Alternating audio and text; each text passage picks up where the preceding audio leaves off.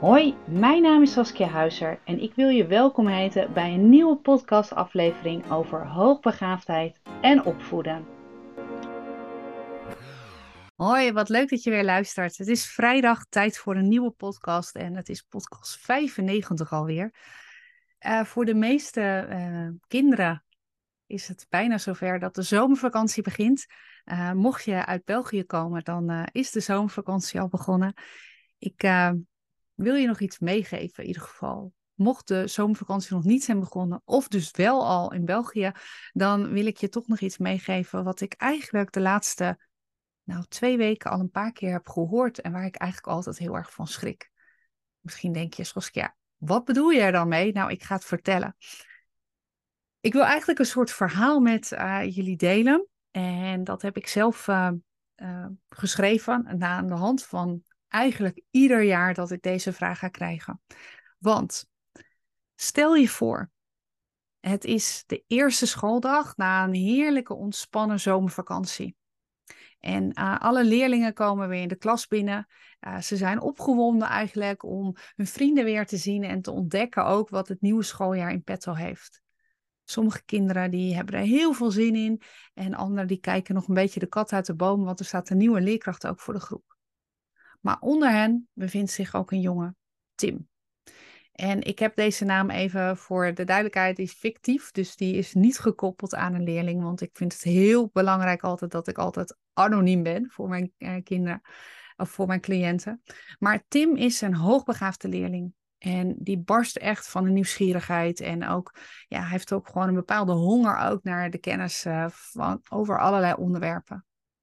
De leerkracht begroet de klas met een, uh, ja, een warme glimlach en een enthousiast welkom. En ja, terwijl ze eigenlijk een beetje weer opnieuw de klassenregels ontdekken, de nieuwe kinderen bespreken die zijn ingestroomd en de verwachtingen ook voor het komende jaar uiteenzetten, wat altijd de eerste dag gedaan wordt. Dit zijn onze doelen. Voelt Tim zich eigenlijk een beetje ongemakkelijk.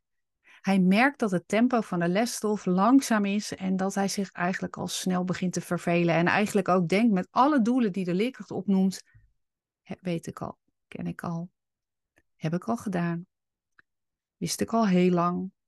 Nou. Maar goed, het gaat zo verder en uh, de eerste paar dagen, maar misschien ook wel voor sommige kinderen wel de eerste paar weken, lijkt het als Tim uh, vastzit eigenlijk in een herhaling van wat hij al weet.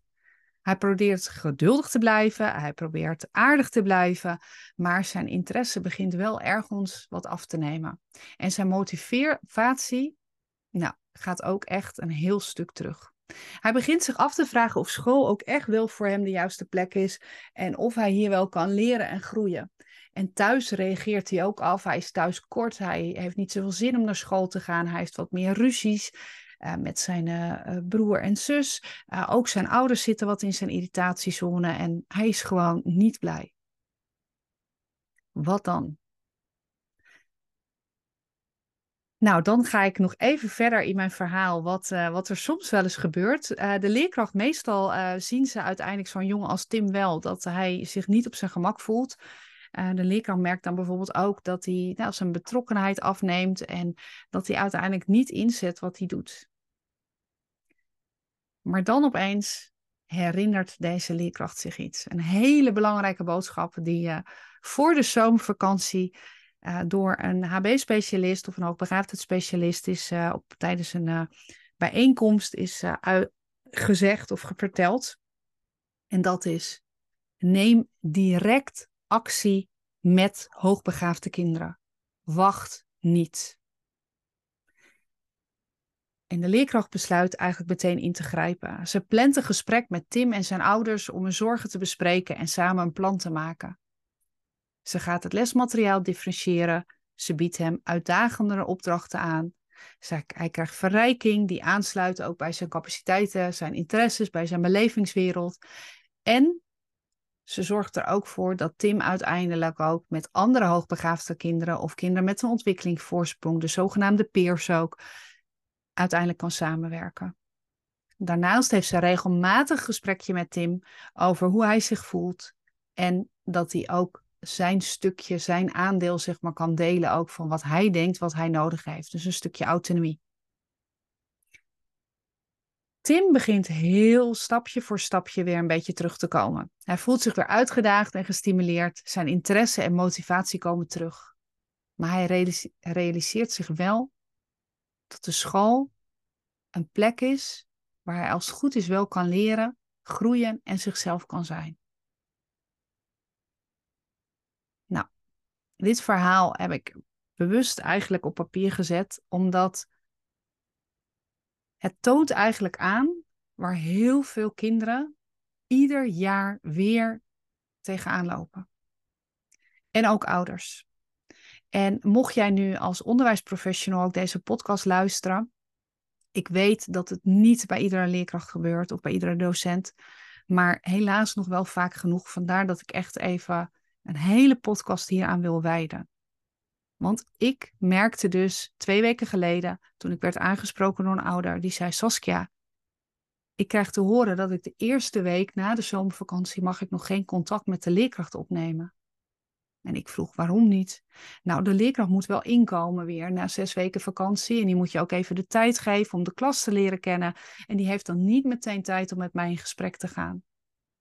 En mijn mond viel eigenlijk open van verbazing. Ik dacht, hoe kan dit? Tuurlijk moeten we allemaal wennen weer naar zes weken vakantie. Althans, als je zo lang vakantie hebt gehad. Maar ieder kind moet wennen, iedere leerkracht moet wennen. Maar laten we wel meteen beginnen met de juiste dingen. De juiste aanpassingen die voor een kind nodig zijn. En die aanpassingen, die zijn essentieel. Daar moet je niet mee wachten. Net als in het verhaal wat ik net vertelde. Motivatie kan zakken. Kinderen kunnen weer thuis opstandig gaan worden. Ja, je denkt misschien in de vakantie, oh, ik had echt een heel relaxed kind. Zo fijn weer, echt weer. Ik zie mijn kind weer, is gewoon bijna de oude Tim in dit geval. Ik ben blij. En na een aantal weken zijn de struggles er weer. Je kind slaapt slecht, heeft misschien bepaalde klachten, zoals buikpijn, hoofdpijn, voelt zich niet happy, wil niet naar school, denkt bij zichzelf: school doet er niet toe. Saai, wil ik allemaal niet, er toch niets. Of gaat juist uh, bepaald gedrag op school vertonen. Dit kan niet. Een leerling, en het gaat echt om iedere leerling, alleen ik maak me natuurlijk helemaal hard voor de, voor de uh, kinderen met een ontwikkelingsvoorsprong of die uh, vastgesteld hoogbegaafd zijn. Maar ieder kind heeft een aanpassing nodig. En althans, de meeste kinderen hebben het nodig, maar ieder kind mag ook uh, ergens ook gaan kijken naar de onderwijsbehoeften die hij of zij heeft en dat daar ook iets aan gedaan wordt. En dan bedoel ik helemaal niet dat je als leerkracht, als je dit nu luistert, dat je denkt, oh, Saskia benoemt dat ik misschien wel tien plannen moet hebben of tien verschillende aanpakken. Nee, dat hoeft niet. Maar als er nu het hele jaar of een gedeelte van het jaar of desnoods de laatste weken van dit schooljaar iets is gedaan wat in gang is gezet, waar een kind heel erg blij van is geworden, een bepaalde manier van uh, misschien wel een weekplanning of een bepaalde manier van uitdaging, differentiatie ook uiteindelijk van, van bepaalde ja, vakken. Waarom kan dat niet na de zomervakantie meteen opgepakt worden? En waarom kost het eerst weer een aantal weken om het op te pakken? Waarom kan het niet goed overgedragen worden? Standaard krijg ik ook in de eerste weken na de zomervakantie telefoontjes of mailtjes van ouders die zeggen: Saskia, we hadden alles op papier gezet, het zou goed overgedragen worden. En het is niet gebeurd. Wat moet ik doen? Wat zijn mijn rechten als ouder? Wat, wat kan ik dan doen? Ik wil niet die zeurderige ouders zijn die meteen de eerste week al op het schoolplein staat of de tweede week al, waarvan ze denken: Oh, daar heb je weer de moeder van Tim. Nee. Daarom wil ik jou als ouder of jou als onderwijsprofessional of in welke hoedanigheid jij daar ook deze podcast luistert. Het is essentieel dus dat er het belang van die directe actie na de zomervakantie. En zeker als je nu als onderwijsprofessional luistert, als leerkracht heb jij de kans om een hoogbegaafd kind zoals Tim te ondersteunen. En hen ook de beste leerervaring ook te bieden die hij nodig heeft. Jouw acties die jij neemt en die meteen vanaf de eerste dag al ingezet worden, die maken voor deze kinderen echt waar een wereld van verschil in hun groei op het gebied van, of het vertrouwen ook in het onderwijs, maar ook op sociaal-emotioneel gebied. En ik wil nog een keer wil toch die punten herhalen. En ik had ze net ook verweven, zeg maar, in mijn stuk al. Maar ik wil ze nog een keer herhalen waarom die directe actie dus zo belangrijk is. Hoogbegaafde kinderen hebben gewoon behoefte aan meer uitdagend materiaal en snellere leerprocessen. Als ze niet meteen na de zomervakantie worden uitgedaagd, kunnen ze zich gewoonweg snel gaan vervelen of gefrustreerd raken. En nou, dan gaan ook de motivatie en de interesse natuurlijk in school ook afnemen. Maar je kunt je wel voorstellen dat je sowieso na de vakantie moet inkomen om weer aan de slag te gaan. Dat hebben we allemaal als we teruggaan naar ons werk. Um, of we nou twee weken vakantie hebben of niet, maar iedereen ervaart dat wel. Uh, je mag zeker wel de tijd daarvoor nemen, maar het is wel belangrijk dat je wel het gevoel hebt dat je in ieder geval, als je werk krijgt aangeboden, dat dat wel passend is. En zeker aan de hand van de afspraken die misschien al het jaar ervoor, het schooljaar ervoor, zijn gemaakt ook met een kind en met de ouders. Hoogbegaafde kinderen hebben verder heel veel baat ook bij een omgeving die hun cognitieve, creatieve en sociale ontwikkeling ook bevordert. Door meteen actie ook te ondernemen, creëer je ook juist die positieve leeromgeving. En die stimuleert ook weer uh, jouw zoon of dochter of jouw leerling om hun volledige potentieel ook te benutten. En als hoogbegaafde kinderen niet worden uitgedaagd, bestaat het risico dat ze onder hun niveau presteren. En dit kan leiden tot onderpresteren. Een negatief zelfbeeld en ook soms gedragsproblemen. En die uiten zich soms op school, maar kan dus ook thuis. Ook dit kan, als je uh, uh, vroegtijdig dit zeg maar eh, kan voorkomen, dan kan het helpen om uiteindelijk ook dat die ervaring niet mee te krijgen. Soms kun je het niet helemaal tegengaan, maar alles wat je wel kan doen, dat is meegenomen. Nou, en wat kun je dan dus doen? Sowieso de afspraken die in een dossier staan. En verschillende scholen werken met uh, een soort uh, leerlingvolgsysteem à la Parnassus. Er, zijn nog meer systemen ook. Ik weet dat ACES er ook is. En lees dat. Ga desnoods bij een gesprek haak aan. Nou kan ik me voorstellen, want uh, deze podcast komt een week voordat de eerste groep in Nederland vakantie gaat krijgen, voordat regio Midden vakantie gaat krijgen, dat het misschien niet meer nodig is. Maar misschien kun je wel vast als ouder of als leerkracht, nog beter misschien wel, een afspraak maken in de eerste week om even met elkaar in gesprek te gaan. Maar lees het dossier. Bespreek met de intern begeleider, de zorgcoördinator of de onderwijsondersteuner net welke uh, taak die persoon ook bij jou op school heeft. Maar bespreek ook uiteindelijk wat je kunt doen. Wat is er al besproken? Is het eventueel mogelijk om alvast met deze leerling even kennis te maken? En om misschien alvast een afspraakje te maken? Als dat niet voor de vakantie lukt, doe dat dan meteen de eerste of de tweede dag.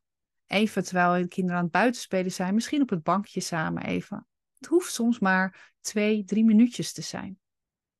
Nou, daarnaast, als er ingezet is al dat er differentiatie is in het lesmateriaal, dan zorg je ook dat dat materiaal of de boekjes er ook zijn de eerste dag. Dat ze al klaar liggen in een laadje uh, of op het bureau. Zodat een kind in de gaten heeft: hey, ik ga weer verder met bijvoorbeeld denken over taal. Kijk ook dus naar de leerdoelen die dus al gesteld zijn en die ook al misschien al een kind al beheerst en geef dus ook de mogelijkheid om het over te slaan. Als vorig jaar de afspraak is gemaakt dat een kind altijd voorafgaand een nieuw blok, bijvoorbeeld een rekentoets gaat doen, ga dan niet dit jaar dat op een andere manier doen of in het nieuwe schooljaar dan. Neem dat dan over. Een kind is daaraan gewend.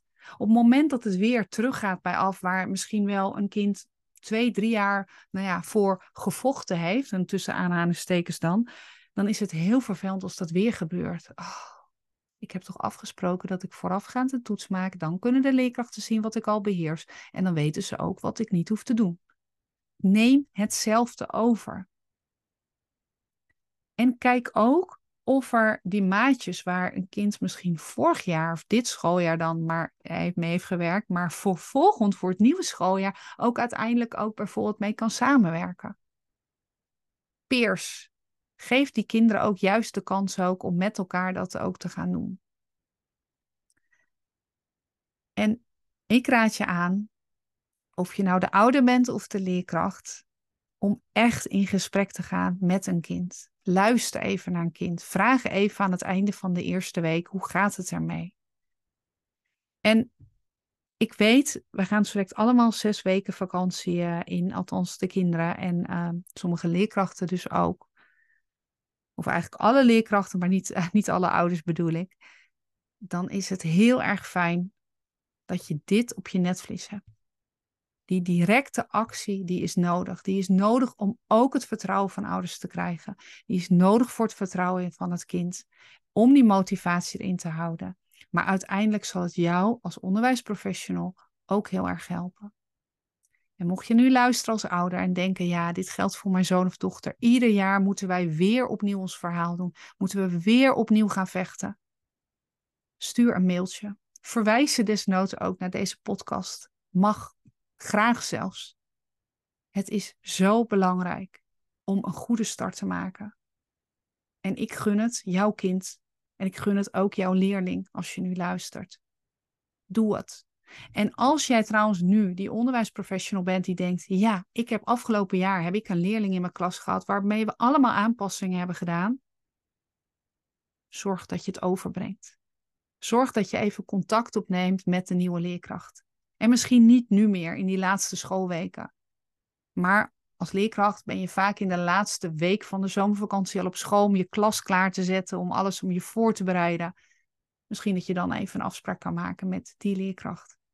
Ik weet zeker dat deze leerling, en in dit geval noemde ik het Tim, zou er heel erg blij mee zijn en zou je dankbaar zijn. En de ouders ook.